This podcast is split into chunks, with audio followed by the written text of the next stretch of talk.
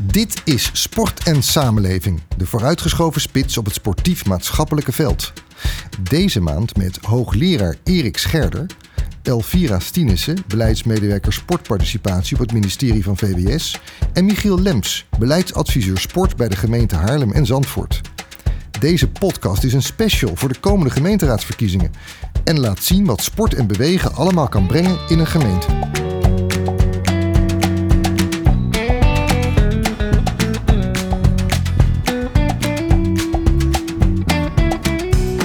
Welkom bij de Sport en Samenleving Podcast. Een maandelijkse podcast met uw host Leonard Boy, de gasten van de maand en andere deskundigen voor je maandelijkse dosis inspiratie en wijsheid over beleid en praktijk in de sport.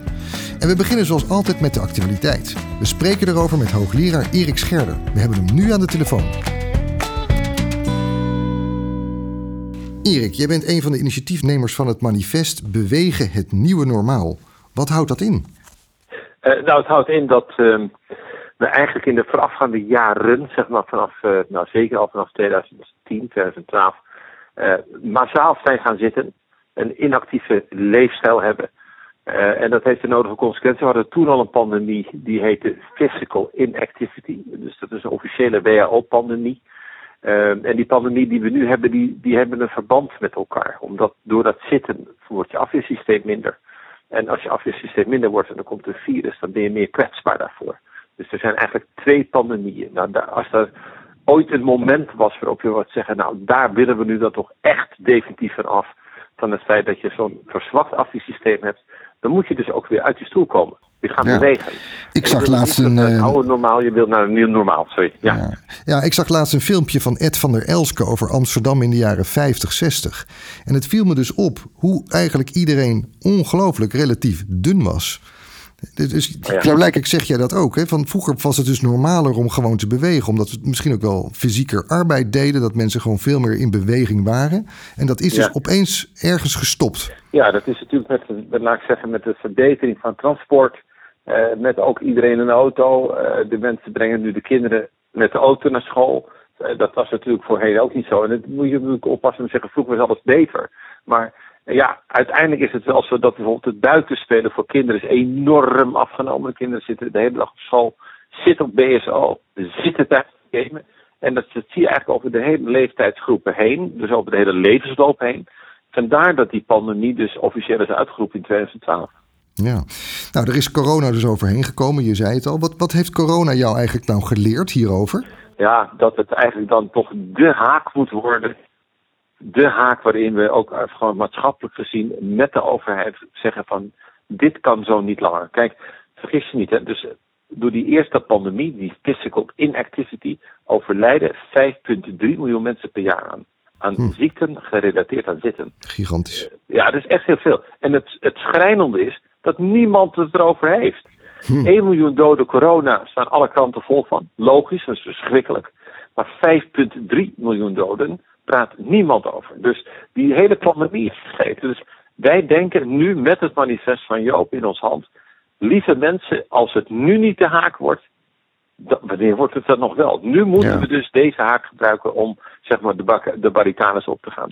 Nou schrijven jullie ook dat er een behoorlijke kloof is die misschien zelfs wel groter is geworden tussen mensen die voldoende bewegen en die niet voldoende bewegen. Ja, klopt ook. Hè? Dus de, het is natuurlijk met name zo dat de mensen die het van huis uit niet zo makkelijk hebben. Ook niet de financiën hebben, ook niet altijd de mogelijkheden of de kennis hebben om te snappen, jongens, ik moet, ik moet met mijn kids naar een sportvereniging. Of ik moet als het hier gaan bewegen met die kinderen. En we moeten gezond eten. Gezond eten is nog altijd duurder dan niet gezond eten. Voor die groep, daar moeten we ons hard voor maken. Dat zijn ook de mensen die uiteindelijk op de IC liggen. Met overgewicht, met, met diabetes, met suikerziekte, dus hart- en vaatziekten. Dus en die bereik je niet zomaar. Dus daar moeten we echt super voor inzetten. Nou hebben we het in deze podcast specifiek ook over de situatie voor de gemeenteraadsverkiezingen van volgend jaar, hè, 16 maart 2022. Wat ja. zou jij in die verkiezingsprogramma's terug willen zien? Ja, dat bewegen en sport echt nummer één wordt. Maar dan wil ik ook heel graag zeggen, en dan zou ik eigenlijk de vraag eerst willen stellen aan de gemeenteraad: is het voor u urgent? Is het echt urgent voor u? Dan kunt u toch niet waarmaken dat u dan sport en dergelijke niet als eerste op de agenda zetten. En bewegen en sporten. Want niet iedereen wil meteen sporten, maar wel bewegen. En dan denk je bijvoorbeeld ook denk aan bijvoorbeeld scholen. Kinderen zitten, wat ik net zei, zitten de hele dag. Haal die kinderen gewoon om de drie kwartier even uit die bankjes. Even een ja. buiten en dan weer door. Dus als de gemeenteraadsverkiezingen niet dit als eerste op de agenda hebben, ook met dat sporten en met die buurtcoach, de hele mikmak, dan is het, dan is het het bewijs dat het dus niet urgent is. Nou, dat punt kun je echt gewoon echt niet aankijken en zeggen: het is niet urgent. naar alles wat we in deze grootste crisis na de Tweede Wereldoorlog hebben meegemaakt. Ja, je zag het dus onlangs nog eh, in de gemeente Haarlemmermeer. Daar heb je ook ingesproken in de gemeenteraad, omdat er daar juist bezuinigd wordt. Wat, wat, wat vind je daarvan? Nee, dat, dat, dat geloof ik gewoon niet. Dan denk ik, dit, ik, ik zit mezelf te knijpen om te denken, ben ik ergens uh, de weg kwijtgeraakt. Dat mensen dus dat doen. Terwijl alle, alle literatuur nu, in de hele wereldliteratuur bedoel ik, hè, wijst op, we zijn inactief, we zijn daardoor kwetsbaar geworden. Juist begin bij de jeugd, omdat de jeugd zorgt voor uh, een leven waarin de bewegen weer normaal wordt. Maar zorg ook voor degenen die nu wat ouder zijn op hun werk. Zorg dat die mensen de kans krijgen om te bewegen. Daarmee versterk je dat immuunsysteem weer. Nou, wat is er nu nodig? Een sterker immuunsysteem. Kijk naar al die virologen die praten over nieuwe mutaties. Waar ze niks van afweten. Wordt het wel wat? Wordt het niks? Wordt het erg? Wordt het, zijn we wel eens niet beschermd? Je kunt er zelf iets aan doen door een actieve leefstijl. Dus ja, ik kan het niet gemeente. Ik kan, ik kan me niet voorstellen dat je echt serieus zegt, we gaan erop bezuinigen. Dan ben je wel super verkeerd bezig. Ja, helder. Nou ja, dan hebben we zometeen ook twee beleidsmedewerkers uh, in onze podcast. Eén, uh, Elvira Stienesen, die is beleidsmedewerker op het ministerie. En Michiel Lems, die uh, doet hetzelfde op het gebied van sport in het beleidsadvies voor de gemeente Haarlem en Zandvoort. Wat zou je hen willen meegeven? Nou, ik zou hen willen meegeven dat als ze zeggen: Ik heb nog niet die voldoende kennis, laten ze mij bellen. Dus dat, want ik klinkt een beetje gek, maar eerst wil ik laten zien dat die studies er zijn. Dat is niet een bedenksel van iemand. Die studies zijn er. Heel hard, half uur bewegen, versterk je afweersysteem. En als je die kennis hebt, dan moet het, als je echt geeft om je eigen mensen in je eigen gemeente, dat je denkt, wat kan ik nu doen voor de komende decennia? Hè? Dus niet voor morgen, maar voor de toekomst van die mensen. Dan moet je gewoon zorgen dat sport en bewegen gewoon nummer één op de agenda staat. In de hele, alle geledingen ik hoor jou eigenlijk zeggen: allereerst zet het bovenaan op je beleidsagenda. En ook maak het structureel. Zorg dat het een langdurige aanpak is. En dat je daarmee ook zoveel mogelijk verschillende groepen gaat bereiken. die misschien nu nog te veel aan de kant staan. Juist. En die mensen, vooral die mensen die niet meteen alle kranten lezen. of niet er bewust meteen van zijn. van het belang van zorg op je, let op je gewicht, doe het niet. Uh, nou, die mensen die verdienen ook dat we daar een extra inspanning leveren. Want zij zijn de pin uit. Erik Scherder, ik wil je heel erg bedanken voor jouw visie op sport en bewegen in uh, deze toch ook bewegelijke tijden. Dank je wel. Graag gedaan. En dan is het nu tijd voor onze hoofdgasten. Welkom Elvira Stienissen. Jij bent eh, beleidsmedewerker op sportparticipatiegebied op het ministerie van VWS. En Michiel Lems, jij bent beleidsadviseur sport bij de gemeente Haarlem en Zandvoort. Ja, allereerst toch eventjes horen, hoe gaat het met jullie? Zijn jullie alweer een beetje aan het bewegen, Elvira? Kun je weer sporten? uh, Jazeker. En dat kon in coronatijd sowieso wel. Heb ik veel op de handbike gezeten. Dus uh, sporten gaat goed en over een paar weken begint het zitvolleybalseizoen weer. Dus dan uh, kan dat ook weer starten. Jij bent specialist zitvolleybal. Dan moet je ons toch even vertellen. Niet iedereen weet dat. Competitief spelen jullie door het hele land. Hoe gaat het in zijn werk? Ja, uh, ik ben zelf oud international, dus uh, oud Paralympisch zitvolleybalster. Ben in 2018 gestopt. Um, en zitvolleybal inderdaad in Nederland is gewoon een competitie, verschillende competities. Dus we spelen toevallig ook soms in Haarlem tegen Spaarnestad. Uh, en zo door het hele land zitten allerlei verenigingen. Wauw, wat leuk. Nou, dus dat gaat binnenkort weer van start. Ja, heerlijk. Oh, nou, heel goed. We gaan het volgen. Mooi. en ja, Michiel, hoe zit het voor jou? Ben je weer aan het sporten of heb je ook inderdaad in coronatijd doorgesport? Ja, absoluut. Ik denk uh, dat ik in coronatijd veel meer gesport heb dan ik normaal deed. Dus heel veel op mijn racefiets en uh, nou, veel wandelen, wat ik eigenlijk voorheen helemaal niet deed. En, uh, maar ik vind het ook onwijs lekker dat ik weer kan voetballen en vanavond een potje kan pedellen. Dus, nou, lekker. Jullie zijn alle twee zeer actief. Ja, het past ook wel een beetje, want ook al voor corona was duidelijk dat uh, Nederlanders heel veel baat hebben bij sport en bewegen. Een gezonder leven, dat proberen we allemaal uh, na te streven. Maar het is met name natuurlijk door corona dat dat nog zichtbaarder is geworden. Uh, en daartoe werden er bijvoorbeeld ook uh, op een gegeven moment lokaal natuurlijk allerlei initiatieven genomen om lekker buiten te kunnen sporten, om toch te bewegen. En daarbij werd toch ook wel een beroep gedaan op uh, buurtsportcoaches, die er mede waren gekomen door die regeling van de lokale sportakkoorden. Die buurtsportcoachregeling was natuurlijk op een gegeven moment ook nationaal ingezet en werd lokaal vertaald. Elvira, misschien kun je daar wat meer over vertellen, want jij hebt dat waarschijnlijk ook gemonitord en gezien hoe zich dat ook juist in corona eigenlijk ontwikkelde. Zeker. En de buurtsportcoaches zelf die zijn eigenlijk al uh, vanaf 2008 werkzaam hè, als combinatiefunctionaris en later als buurtsportcoach. Um, en zij doen dus eigenlijk altijd zorgen erover voor dat mensen in beweging raken. Zeker ook de wat lastige groepen die gewoon ver, uh, ver afstaan van de, van de sport. Uh, maar in coronatijd, en zeker vorig jaar toen we ineens met die lockdown geconfronteerd worden, zagen we dat de buurtsportcoach als eerst een beetje zoeken. En hoe ga je nou toch mensen proberen te bereiken? Maar nou, zo na een paar weken herstelde zich dat en zag je dat de buurtsportcoach inderdaad naar uh, voor verpleeghuizen ging staan of bejaardenhuizen. Dat ze toch wel ervoor zorgden dat mensen in beweging kwamen online of op dat soort manieren. Ja. Dus je zag wel echt dat de buurtsportcoach daarin echt behoorlijk aan de slag is gegaan. Ja. Nou ben je natuurlijk ook een beleidsmedewerker. Jij moet het bestuur, hè, de, de, de mensen die beslissingen nemen, adviseren. Heeft het nou bij jou ook het denken over sport en bewegen verscherpt wat er in corona gebeurde? Heb je daardoor ook andere inzichten gekregen? Nee, ik denk ik denk ik zelf niet. Want wat we zien eigenlijk is meer een bevestiging van wat we zelf al weten. En alle mensen die denk ik in de sport zitten. Uh, maar ik denk juist buiten de sportsector en ook bestuurders en uh, politici en alle partijen, die zijn juist volgens mij wel erg bewust worden, uh, geworden van het belang van sport en bewegen. Ja, ja. Dus dat zie je ook en dat hoor je ook in de Kamer. Ja. En hoe heb jij dat gemonitord, Michiel? Want je kan me ook voorstellen, je bent natuurlijk ook beleidsmatig aan het denken. Je hebt die periode van corona natuurlijk ook geobserveerd wat er gebeurde. Wat, wat zag jij ontstaan? Ja, nou eigenlijk hetzelfde wat Elvira zegt. Dat je veel meer mensen in de openbare ruimte uh, aan de slag gingen. En uh, ja, de buurtsportcoaches waren voor mij al een heel belangrijk beleidsmiddel. Dus ook voor coronatijd. Maar wat zo prettig was, was in coronatijd uh, dat wij, of dat die buurtsportcoaches al zo nauw in contact stonden met al die sportverenigingen en uh, inwoners. Dus heel snel konden inspelen op, uh, op die wensen en behoeften. En dat zag je ook gebeuren. Absoluut. Ja. En wij hebben ja, ook de communicatie vanuit de gemeente was natuurlijk op een gegeven moment ook heel belangrijk. Of vanuit het Rijk, hoe vertaal je dat weer lokaal? En dat ging ook via de buurtsportcoach heel makkelijk. Ja. Um, ja, nou zegt Elvire, ik zag ze in het begin wel even zoeken. Maar wat gebeurde er vervolgens aan, aan nieuwe initiatieven bij jullie in de buurt? In Haarlem en in Zandvoort?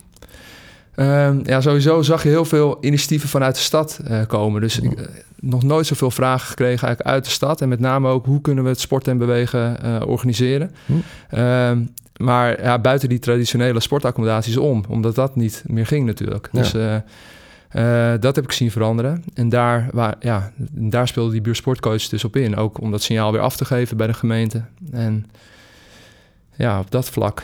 Ja, dus je zag wel heel snel dat mensen toch in staat waren om weer te schakelen, om creatief te worden. En dan vooral die buitenruimte te benutten.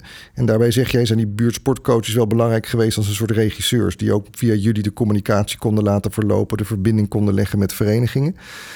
Nou kan ik me ook voorstellen, Vira, jullie hebben natuurlijk ook gekeken op het nationale niveau. Van ja, als dit zo doorzet, eh, betekent dat bijvoorbeeld ook dat verenigingen in de problemen kunnen komen. Want die accommodaties waren gesloten. Ja. Ze hadden het natuurlijk ook financieel moeilijk. We hebben hier natuurlijk ook mensen uh, in de uitzending gehad die ook iets hebben verteld over hoe uh, ja, het verlopen eigenlijk bij verenigingen ja. zat. In eerste instantie mensen nog wel loyaal lid bleven, maar dat dat toch het jaar erop alweer wat moeilijker was.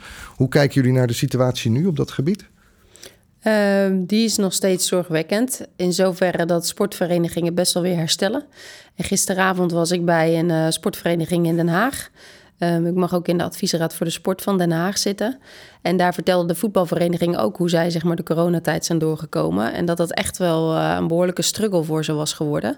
Maar nu dat ze weer mogen beginnen, zeg maar, is dat wel weer, zien ze wel weer dat het snel recht trekt. Ja. Dus aan de ene kant weten we, en door de financiële regelingen ook vanuit het Rijk, zeg maar, hebben we geprobeerd uh, ze zoveel mogelijk te ondersteunen. Uh, maar gelukkig, nu dat ze mogen beginnen, zie je ook wel dat dat snel weer, uh, snel weer bijtrekt. En ja. ik hoop dus ook dat de buurtsportcoach daarin een rol kan blijven, kan blijven vervullen. En hoe zou je dat dan voor je zien?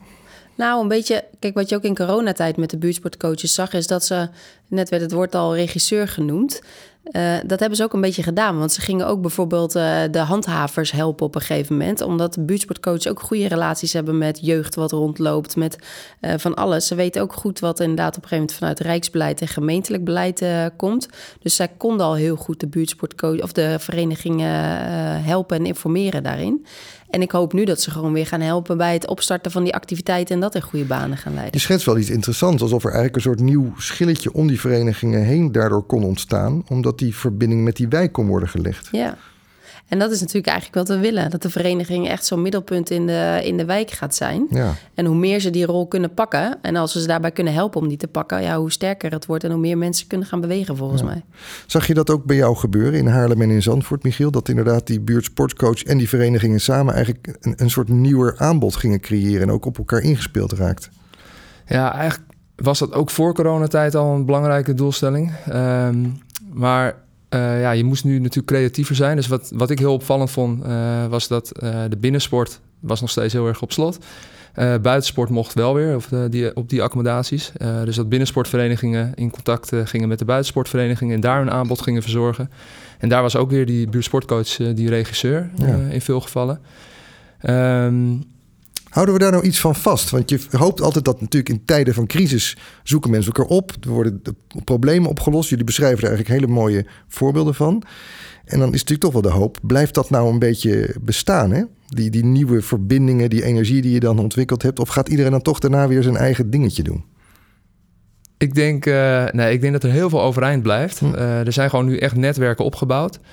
Uh, ook tussen verenigingen. En dat zien, zien we in Haarlem ook. Tussen de voetbalbesturen bijvoorbeeld. Die hadden ook al een netwerk, maar door corona gingen ze nog meer samenwerken. Dus ook hoe gaan we om uh, met dat ledenverlies uh, of uh, met contributies. Dat we het allemaal hetzelfde doen. Niet dat de ene vereniging kwijtscheldt. en, dus dat soort samenwerkingen blijft denk ik overeind. Ja. En ook als gemeente sta je toch weer dichter bij sommige verenigingen. Dus ik nou, denk dat, dat er veel overeind blijft. Ja. Mag ik daarop aanvullen? Ja, natuurlijk. Ga je gang. Want ik denk inderdaad dat Michiel daar gelijk in heeft. En ook omdat we het sportakkoord natuurlijk gestart zijn uh, zo'n 2,5 jaar geleden. En ze hebben misschien in de sportakkoorden niet uh, alle activiteiten uit kunnen voeren. Maar wat ze wel heel goed hebben kunnen doen in deze coronatijd... is bouwen juist aan die netwerken inderdaad. Dus volgens mij ligt er nu echt een hele mooie basis daarvoor... om daarop ja. verder uh, door te gaan. Nou, laten we daar eens even naar kijken. Want per 2023 komt er een nieuwe regeling buurtsportcoaches. Die gaat misschien ook wel een iets ander accent krijgen. Kun je daar al iets meer over zeggen? Ja, het is uh, de regeling nu, en eigenlijk is de regeling buurtsportcoaches is echt een structurele regeling. Dus die staat, uh, daar is vaak nogal wat verwarring over, maar die staat gewoon structureel op de begroting bij, uh, bij VWS en bij OCW. Wat we doen, er liggen onderliggende bestuurlijke afspraken aan vast. En we doen na 2022 gaat er inderdaad weer een nieuwe looptijd van die bestuurlijke afspraken lopen. En waar we nu eigenlijk mee bezig zijn, is te kijken wat komt er straks allemaal uit de formatie en in het regeerakkoord te staan. Uh, we hebben zelf ideeën vanuit het ministerie wat we graag zouden willen zien in, uh, in nieuw sportbeleid.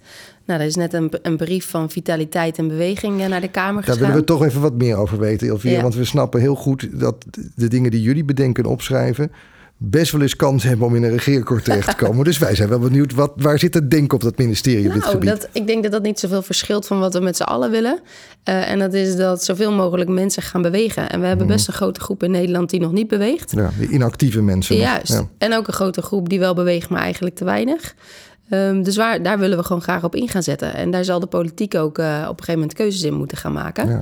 En het nieuwe kabinet wat er, uh, wat er komt te zitten. Ja, want dat vraagt natuurlijk toch wel forse investeringen. Zeker. Ja, dus dat Zeker. moet er wel in zitten, zeg maar. Ja. ja. en ik noemde net al die brief. Nou, in die brief staat het ook, hè, dat als je uh, breed sport wilt inzetten, ook vanuit verschillende domeinen, dan, dan, kost dat ook uh, wat geld, zeg maar. Dan moet je daarin investeren. Ja. Ja, dat is natuurlijk iets wat kan me voorstellen ook lokaal wordt bekeken. Hè? Wat komt er straks uit dat regeerakkoord wat voor de lokale praktijk van belang is? Zou je nog iets mee kunnen geven?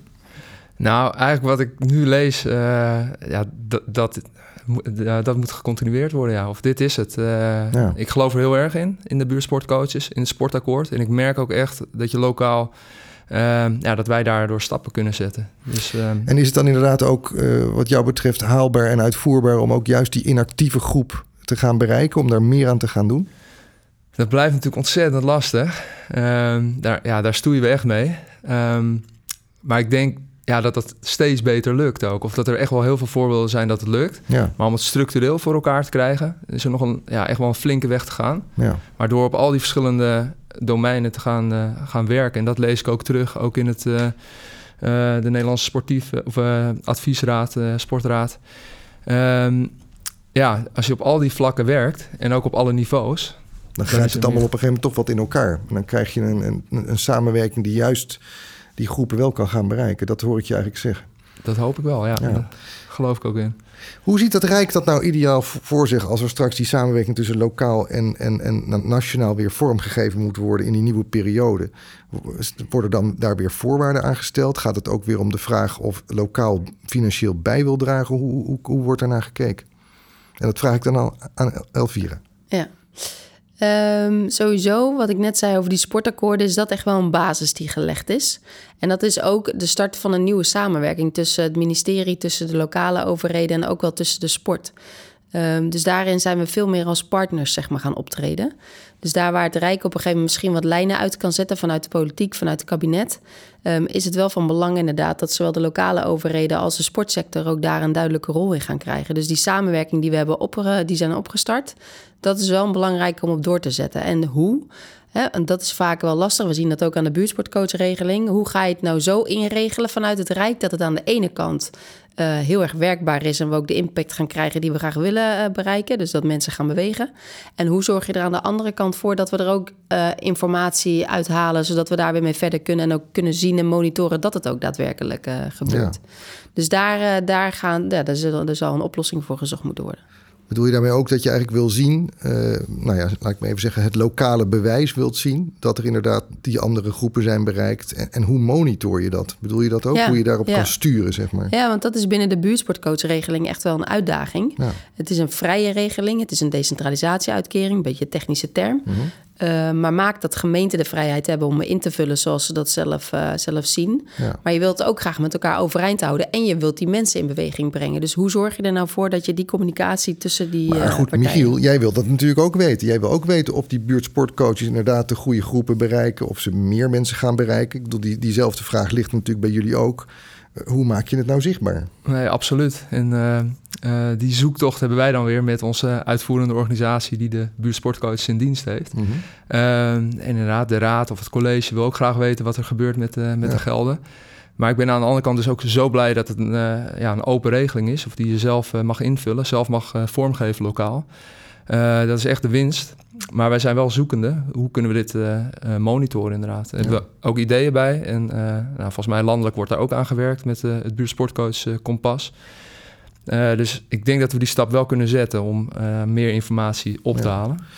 Nou, en dan hangt er natuurlijk ook nog wel iets spannends boven de markt. Dat is dat er een aantal gemeentes moeten bezuinigen. Ja. Op de zorg en welzijn, dat wisten we natuurlijk al, dat is een tijd lang al, aan de orde. Met de decentralisatie van de jeugdzorg en WMO zien we gemeentes worstelen met hun budgetten. En dan zie je dus ook dat er een aantal gemeenten zeggen: ja, sport en bewegen, we vinden het wel belangrijk, maar. Eh, dat wordt natuurlijk wel voor de komende tijd best een, best een spannende vraag. Ja.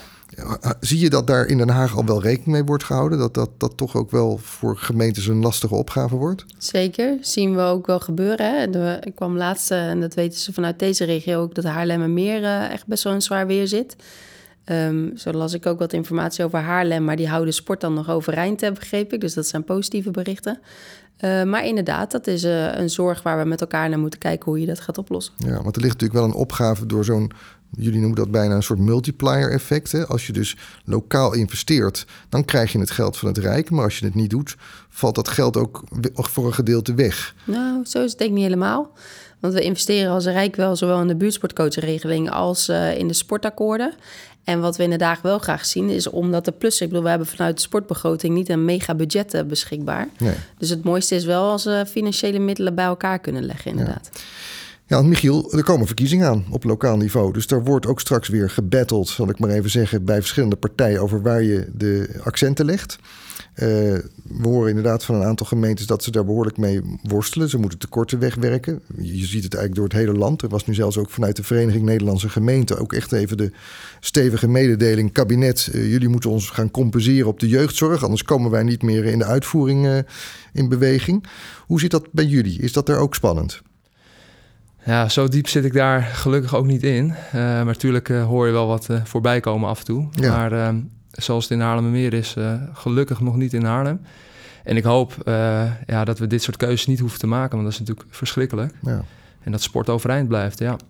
En hoe zitten dan de, de, laat ik maar even zeggen, de verschillende partijen erin? Want jullie monitoren dat natuurlijk als beleidsmedewerkers ook wel. Dat jullie gaan kijken van wat schrijven ze straks op? Hoe gaan ze zo meteen de komende vier jaar in?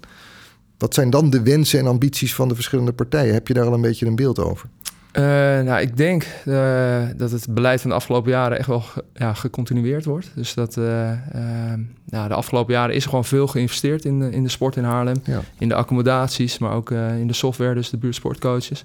Dus ik verwacht eigenlijk dat partijen dit heel belangrijk gaan vinden. Dat, ja, dat merk je een beetje in de raadsvergadering of als het over sport gaat. Uh, ja, dat de raad wel heel sportminded is. En dat is uh, heel fijn, heel prettig.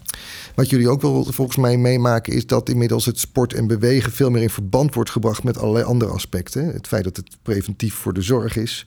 Dat mensen daardoor ook vaak beter toegerust naar de arbeidsmarkt kunnen... als, als, ze, als ze goed hè, bewegen en, en, en ook hun motoriek ontwikkelen. Zijn dat nou nog zeg maar, argumentaties... Eh, waarmee je ook met andere departementen kan worden samengewerkt? Dat je het niet alleen hoeft te doen als, als sport? Ja. Ja, en daar is die vitaliteitsbrief gewoon een heel mooi voorbeeld van. Daar zitten vijf of zes verschillende departementen. Ja, even voor de luisteraar, dus een brief die dus de minister van Ark heeft gestuurd naar de Tweede Kamer. Hè, waarin een aantal ideeën en, en, en, en ook nou ja, vooral aanpakken worden voorgesteld. Ja, niet alleen minister van Ark, maar dus samen met haar collega's van de andere departementen. Dus van OCW, van uh, eh, INW en zo nog een paar. Um, en daarin zie je inderdaad dat vanuit die verschillende beleidsterreinen de waarde van sport gewoon gezien wordt. En eigenlijk de waarde meer van bewegen. Uh, om mensen zo laag mogelijk, laagdrempelig mogelijk in beweging te brengen. Dus door gewoon op de fiets te stappen, door gewoon, gewoon in het dagelijks leven bewegen in te brengen. Want Michiel, dat zou betekenen dat je het niet meer alleen hoeft te bepleiten, maar dat je eigenlijk ook andere, in jouw geval kan ik me voorstellen, ook andere beleidsmedewerkers, andere wethouders, eigenlijk hoort, hoort bepleiten van ja, sport is een belangrijke schakel. Ja, en dat, uh, nou, dat zie je ook wel terug. Of in de afgelopen jaren is uh, JOG, Jonger op Gezond Gewicht, wel een uh, voorbeeld waarin het uh, beleidsterrein eh, gezondheid echt samenwerkt met sport. Dus wij uh, leveren de buurtsportcoaches, maar het geld voor de jogregisseur komt eigenlijk vanuit gezondheid. Hm. dus dan heb je die multiplier en een groter effect. Dus op dat gebied zie je het. Um, maar ja, wil je die, echt die kwetsbare bereiken, of daar ligt dus die uitdaging. Ik merk wel dat het moeilijk blijft om, die, ja, om te ontschotten binnen de gemeente, met name die, met name die budgetten. Ja. Dus dat uh, zie ik ook wel als uitdaging voor de Ja, want je gaf net al een heel mooi voorbeeld dat je in coronatijd juist buurtsportcoaches ook eigenlijk inzet in buurten en wijken, omdat ze de verbinding kunnen leggen met ja, kinderen die op straat rondlopen, die een beetje overlast misschien veroorzaken. Dus daar ligt eigenlijk al een hele logische verbinding met het meer bredere sociale domein. En toch weten we uh, dat het best lastig is om die budgetten bij elkaar te krijgen. Om te zeggen, goh, maak er nou eens eigenlijk bijna één pool van, want dan heb je een veel groter effect. Klopt, ja. En mogelijk, of waar ik ook wel kansen zie, is dus het sportakkoord en het preventieakkoord nu. Dus hm. uh, daardoor ja, gaan we echt meer met, uh, uh, met gezondheid rond, rond de tafel. En uiteindelijk moet je het aan de voorkant denk ik ook goed regelen. Dat niet alleen in de beleidsnota's naar sport verwezen wordt of dat wij verwijzen naar gezondheid. Maar dat je daar ook echt nadenkt, hoe uh, doe je dat dan aan de achterkant? Uh, Hoe borg je dat? Nou, dit is natuurlijk de overheid, maar we kunnen toch ook wel zeggen... het moet ook uit de samenleving zelf komen. Hè? Dit, dit, dit denken zou ik, zou ik zeggen. Zie je nou ook voorbeelden bijvoorbeeld bij verenigingen... Uh, dat er inderdaad wordt gekeken, we kunnen samenwerken met andere domeinen. Komt dat tot stand? Ja, absoluut. Steeds meer. een mooi voorbeeld vind ik de voetbalvereniging Allianz in Haarlem... Of eigenlijk ontstond dat uit een, uh, een buurtsportcoach. Die was bij een, uh, een welzijnsinstelling of daar werd een bijeenkomst gehouden. En de ouderen daar zeiden, we zouden zo graag willen sporten in de zomervakantie. En die buurtsportcoach heeft zich gekoppeld aan Allianz. En ja, Haarlem Vitaal heet dat geloof ik, fysiotherapie. En daar is een, ja, een activiteit uit ontstaan, een zomeractiviteit, maar die nu structureel is voor nou, ouderen of ik weet niet of dat het juiste woord is, 50 plus of uh, nog wat ouder. Kopje koffie drinken. Mensen op leeftijd. Exact. Luisteraars, ja. uw presentator is bijna 51. Pas Excuses. Ga door. Ja, erg hè? Ja. nee, dus dat is een, uh, een mooi voorbeeld. En, uh, we hebben een uh, voetbalvereniging uh, OG die walking voetbal doet in samenwerking met Kennemerhard, een zorginstelling. Dus die komen echt met een busje voorrijden en dan wordt er met dementerende ja, ouderen Dus dit gebeurt. Je ziet het gewoon gebeuren. Mensen zoeken elkaar op en die domeinen vinden elkaar dus. Ja, zeker. En ja, soms met hulp van de buurtsportcoach. Soms ontstaat het ook gewoon doordat een vereniging dat zelf heel graag wil en, en opzoekt. En dit borgen, daar ligt die, uh, die uitdaging. Ja, en dat moet je dan even uitleggen, want dat is een heel politiek woord, hè? borgen. Je bedoelt dat het blijft, dat het niet een tijdelijk projectje blijft. Precies. En uh, ja, dat zit hem ja, dus in, uh, in die vrijwilliger die dit zo graag wil, als die wegvalt, mhm. hoe ga je dan verder? Of als de buurtsportcoach de activiteit verzorgt, wat als die middelen voor de buurtsportcoach wegvallen? Dan is zo'n activiteit weg. Dus nou, je moet op een of andere manier daar ook over nadenken. Dat het blijft bestaan. Ja. Nou, ik kan me voorstellen, Vieren, dat zijn voor jullie ook vragen waar je vaak mee worstelt. Hè? Hoe borg je iets? Hoe, hoe houden we het vol? Ja, veel gehoorde term. Ja, er wordt ook wel eens gezegd, je moet voor beide projecten gek te komen. Je moet het structureel maken. Ik hoor je eigenlijk ook zeggen, het gaat om structurele regelingen. Is, is dat in ieder geval één belangrijke voorwaarde? Zeker de buurtsportcoachregeling is dus al vanaf 2008 structureel. En je ziet dus ook dat wat die opbouwt en wat die allemaal neerzet, ja, dat, dat staat gewoon en dat valt niet zomaar weg. Nee. Dus beleid, denk ik, wat langere tijd uh, ingezet wordt, is echt belangrijk. Ja. ja. Ja. en dat is natuurlijk toch weer even spannend dat we tussendoor ja, een nieuw regeerakkoord hebben. Uh, dat er lokale verkiezingen komen. Dat er dus toch misschien weer wat verschuivingen plaats gaan, uh, gaan vinden. Um, maar toch, als je kijkt naar de absolute prioriteiten die jij als beleidsadviseur zou, zou willen geven. En misschien ook wel mee wil geven aan de lokale praktijk. Welke zijn dat dan voor jou? Um, nou, wat ik interessant vond, we hadden afgelopen week het commissiedebat met de Tweede Kamer. Wat je heel erg ziet is dat er de nieuwe uh, elementen zoals de sportwet en het advies van de sportraad, zeg maar, die komt naar voren. Daarbij gaat het heel erg over de professionalisering van de sport, maar ook de financiële toegankelijkheid van de sport. Dus dat je ervoor zorgt dat iedereen, zeg maar, ook daadwerkelijk mee kan doen. Dus niet alleen maar de mensen die flinke uh, portemonnee hebben, zeg maar, maar ook de mensen die dat niet hebben. En dat je dus zorgt dat je drempelverlagend gaat werken. En dat mensen niet allerlei, als wij allerlei leuke regelingen bedenken, dat het tegelijkertijd weer allerlei drempels opwerpt voor mensen om mee te gaan doen aan sport en bewegen. Dus dus ik denk dat dat een van de grootste uitdagingen gaat zijn. Uh, hoe we die mensen in beweging krijgen, hoe we ze bereiken en hoe we dus ook zorgen dat ze ook daadwerkelijk mee kunnen doen. Ja. Het mooie is natuurlijk wel dat Nederland eigenlijk al een fantastische sportinfrastructuur heeft door, door, onze vrijwilligerscultuur en die verenigingscultuur. Ja. Er ligt eigenlijk al ontzettend veel om op terug te vallen. Waardoor jij, Michiel, kan ik me voorstellen, ook niet alleen maar hoeft te denken: ja, het is afhankelijk van die ene vrijwilliger. Want we hebben natuurlijk wel een enorme verenigingscultuur die iets zou kunnen borgen. Nee, absoluut. Uh, en ik denk dat uh, in Haarlem de sportaccommodaties, dus die infrastructuur, maar ook de sportverenigingen, dat dat uh, een van de belangrijkste speerpunten zijn in het sportbeleid. Ja. En die, extra versterken, vitaliseren. Ja, dat zegt de sportraad ook. Hè? Je moet die, die, die verenigingen ook wel wat professionaliseren. Je moet soms ondersteuning bieden om nou, ook wat meer professionele krachten toe te voegen. Daar is natuurlijk ook wel weer wat geld uh, bij nodig. Is dat, eh, denk je, Elvire, de, de, ruimte ook in Den Haag om daarvoor te gaan? Dat er ook in een regeerakkoord wordt gezegd, nou, dat gaan we doen. We gaan die vereniging een zetje geven. Ja, geen idee. Dat, gaat, dat is echt iets voor de, voor de lobby vanuit NOC-NSF. Ja? Uh, en voor de politiek uiteindelijk om daar uh, op te beslissen. Je ziet wel dat de discussies daarover gaan. Ja. En ik ben ook benieuwd naar Michiel. Mag ik een vraag stellen? Ja, natuurlijk. Aan? Vraag elkaar. Ja. Ik ben heel erg benieuwd, want we hebben het heel erg over professionalisering en alle taken die sportverenigingen zeg maar, op moeten pakken. En ook dat we echt willen dat ze maatschappelijke impact gaan maken. Zijn de sportverenigingen daar klaar voor, denk je?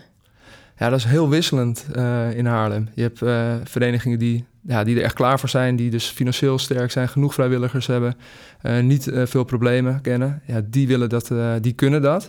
Maar je ziet ook verenigingen die daar totaal geen ruimte voor hebben om daarover na te denken, omdat ze problemen hebben. Maar je ziet ook kleine verenigingen waarvan wij denken dat zijn zwakke verenigingen, of zo noemen we dat dan oneerbiedig, maar die dat toch kunnen en toch oppakken. Omdat er toch een paar hele bevlogen mensen rondlopen die dat, die dat voor elkaar krijgen. Exact, ik denk dat dat het is. Uh, en, en sowieso is de vereniging ook al een, een ja, een uh, maatschappelijk iets op zich. Hè? Dus ik was vorige week bij uh, ons Kineheim. Dat is de Bolsvereniging in Haarlem. Ik was er nog nooit geweest. Maar zo fantastisch. Ze hebben, ik geloof maar 60 leden. Uh, maar wel, ik was daar op een woensdagochtend en er liepen gewoon uh, ja, bijna alle leden, 40 leden, waren aan het uh, sporten daar. Ja. En inderdaad, die bevlogen vrijwilligers daar. Ja. Dus, Als ik jullie zo beluister, zeggen jullie wel, we hebben met elkaar de afgelopen jaren eigenlijk een fijnmazig weefsel gebouwd, structuurtjes gebouwd vanuit die buurtsportcoachregeling in combinatie met die verenigingscultuur. Mensen die het met elkaar vervolgens ook volhouden om ook om hen heen een meer maatschappelijke rol te spelen in hun wijk, in relatie tot ouderen, met, met, met zorg. Maar dat is heel kan ik me voorstellen, ook best wel kwetsbaar. Als, we, als we toch gemakshalve zeggen van als het economisch wat slechter gaat, moet erop bezuinigd worden. Of als er op een gegeven moment eh, iemand wegvalt in zijn vereniging, dan, dan hebben we met elkaar ook meteen een probleem. Terwijl het eigenlijk grote maatschappelijke problemen oplost. Hoe wordt daarnaar gekeken vanuit uh, het Haagse perspectief, Elvira? Uh, en dan stel je de vraag aan mij. Nou ja, die kwetsbaarheid, hoe voorkom je dat er misschien wat meer? Of wat zou je daaraan kunnen doen? Ja, en dat is echt wel een lastige. Want ik vertelde net over de vereniging in Den Haag, waar ik gisteravond was. Die vertelde dat eigenlijk ook. Hun bestuur is eigenlijk heel sterk, heel sterk georganiseerd. Ze krijgen ook veel voor elkaar. Als je vervolgens kijkt tussen de afstand tussen het bestuur en tussen de leden, is dat heel groot. Dus de vrijwilligers die daaruit voortkomen, dat is echt wel een ingewikkeld vraagstuk. Um, dus ik denk inderdaad dat het kwetsbaar is. Dat we moeten vertrouwen op die verenigingen die het heel goed hebben uh, georganiseerd. En dat we daar ook echt volle bak op in moeten, moeten gaan zetten. Ja, dus dat je met de sterke organisaties eigenlijk moet proberen de rest ook mee te krijgen. Ja, en dat zou, dat zou mijn persoonlijke mening zijn. Hè? Dus wat, ja. uh, wat daar bijvoorbeeld partijen als NOC-NSF of andere partijen van vinden, die zien misschien andere kansen daar liggen. Maar ik denk wel dat je daar goed moet kijken hoe je die verenigingen kunt, uh, kunt blijven helpen. En die kunnen misschien ook die kleinere verenigingen weer wat, ja. Wat ondersteunen. Gebeurt het al een beetje in Haarlem en Zandvoort dat bijvoorbeeld de sterke, uh, wat grotere verenigingen de rest kunnen meetrekken? Ja, dat zie je dus op zo'n voetbaloverleg, dat echt kennis wordt gedeeld. En uh, ook buursportcoaches die voorbeelden meenemen van de ene vereniging naar de andere vereniging. Maar wat Elvira zegt over die, of wat ze net zei over die laagdrempeligheid, ik denk dat dat dus zo belangrijk is. Uh, dat die verenigingen, of ja, en misschien zit dat ook wel gewoon in het uh, betaalbaar houden dus, uh, van, van de accommodatie, van het huren van die accommodatie. Ik denk dat dat de grootste zorg is, dat ze de rekeningen kunnen betalen. En uh, verder denk ik dat die verenigingen het echt gaan redden. Want dat zien we in coronatijd, hebben we het gezien hoe veerkrachtig ze zijn. Ja. Dus ik ben er eigenlijk niet zo bang voor. Nou, je kunt misschien nog wel mooier zeggen. Zij hebben eigenlijk een stevige publieke taak... die ze voor relatief weinig geld voor ons allemaal uitvoeren. Ja, eens. Ja, dat is dan eigenlijk ook wel een interessant inzicht... wat jullie me zo meegeven door wat je zo beschrijft. Uh, enorme impact eigenlijk. Eigenlijk hoor ik jou zeggen dat de gemeente gek zou zijn als ze niet uh, in die accommodaties investeren. En uh, het levert alleen maar meer op. Ik zeg het niet, luisteraars, maar Michiel verwoordt het wel uitstekend. Ja, Elvira, jij had nog een vraag aan Michiel. Ja, dat we, we hadden het op een gegeven moment over de buurtsportcoachregeling. Um, en dat het fijn is dat het zo'n vrije, brede regeling is die je als gemeente zelf kunt invullen. Maar dat het tegelijkertijd heel moeilijk is om die kwetsbare groepen te bereiken. En dat ik ook wel eens van gemeente hoor, kan er niet wat meer sturing richting worden gegeven aan, uh, aan de regeling. Dus ik voel me gewoon heel erg af wat een regeling nodig heeft. Of wat de buurtsportcoaches eigenlijk nog nodig hebben lokaal vanuit het Rijk om dat goed te kunnen doen. Ja, ja ik weet niet of je vanuit het Rijk die sturing moet, uh, moet gaan geven. Want ja, die vrijheid vind ik dus fijn, maar ik voel wel een lokale verantwoordelijkheid om uh, meer sturing te geven of, of te verantwoorden van wat er gebeurt. En dat pakken we nu ook op. En misschien dat er dan vanuit het Rijk dus wel is geïnvesteerd nu in, ja, noem ik toch weer dat buurtsportcoachkompas, om ja. toch de resultaten daarvan uh, te monitoren. Dat helpt, denk ik. Uh, maar wat ik dan weer heel goed vind, is dat dat uh, ook weer met de lokale wordt uitgewerkt. Want ja, wij zien wat wel werkt, wat niet werkt. Ja. ja, dus in de toekomst zou je niet zozeer zien meer sturing, maar vooral dat we inzetten op die monitoring en die gegevens goed kunnen gebruiken. Ja. Ja, en dus inderdaad zoals het buurtsportcoach kompas. Ja, en je had het net over kwetsbaren bereiken. Ik denk dat het sportakkoord daar ook een, een rol in kan spelen. Uh, dat vind ik echt een hele gave ontwikkeling. Ook in Haarlem zie ik dat echt als een van de, nou, de grootste ambities voor de komende jaren om dat tot een succes te maken. En dan uh, ja, niet die gelden uitgeven of dat dat centraal staat, maar juist dat netwerk opbouwen. En dus ook rondom ja, partijen die met kwetsbaren werken. Als je daar het goede netwerk mee hebt, ja, dan kan je wat gaan bereiken. Dat heb ik de afgelopen jaren gezien. Dat een buurtsportcoach niet te veel tijd en energie moet steken in het vinden van die doelgroep. Dat moet eigenlijk een andere partij doen. En die buurtsportcoach kan vervolgens daar uh, van alles mee bedenken, koppelingen maken met uh, sportverenigingen. Ja. En zie je daarin dan ook een connectie? Want vanuit het sportakkoord hebben we zowel lokale akkoorden, lokale partijen die heel erg grote rol spelen. Zie je ook daar een partij? We hebben bijvoorbeeld de Alliantie Inclusief, de Alliantie Sporten Bewegen voor Iedereen. Uh, dat is dezelfde alliantie. Uh, waar tien partijen zitten die heel erg met die kwetsbare groepen zeg maar, bezig zijn dat die verbinding tussen landelijk lokaal hadden we het al even eerder over. Dat is ook wel uh, van belang volgens mij om dat goed, uh, goed neer te zetten. Nou, ja, goed dat je dat zegt. Want ik denk dat dat misschien nog wel een kans is in, in Haarlem. Dat we dat nog niet echt geborgd hebben in dit sportakkoord. Ja. Hoewel je natuurlijk wel weer met nou ja, NOC, NSF en de vouchers... dat daar, ik denk dat daar natuurlijk ook wel landelijke krachten achter zitten. Ja. Dus dat gebeurt wel. Maar ja, het moet zich echt ontwikkelen de komende tijd. Het is Ja, echt een zoektocht, maar wel een hele gave zoektocht. Ik wil jullie alle twee ongelooflijk bedanken. Elvira Stieneser, beleidsmedewerker op het ministerie van eh, VWS... en Michiel Lems, beleidsadviseur sport bij de gemeente Haarlem en Zandvoort. Dank jullie wel. Graag gedaan. Graag gedaan. Onze podcast zit erop. We hopen dat je bent bijgepraat. Voor meer informatie, tips en vragen verwijs ik je graag naar het e-mailadres podcast.teamsportservice.nl. Coline Elbertsen, onze eindredacteur, staat altijd open voor goede adviezen en ideeën. Deze podcast is een initiatief van Team Sportservice, uitvoerder en adviseur van sportbeleid in de lokale praktijk en de provinciale sportorganisatie van Noord-Holland, Zuid-Holland en Utrecht.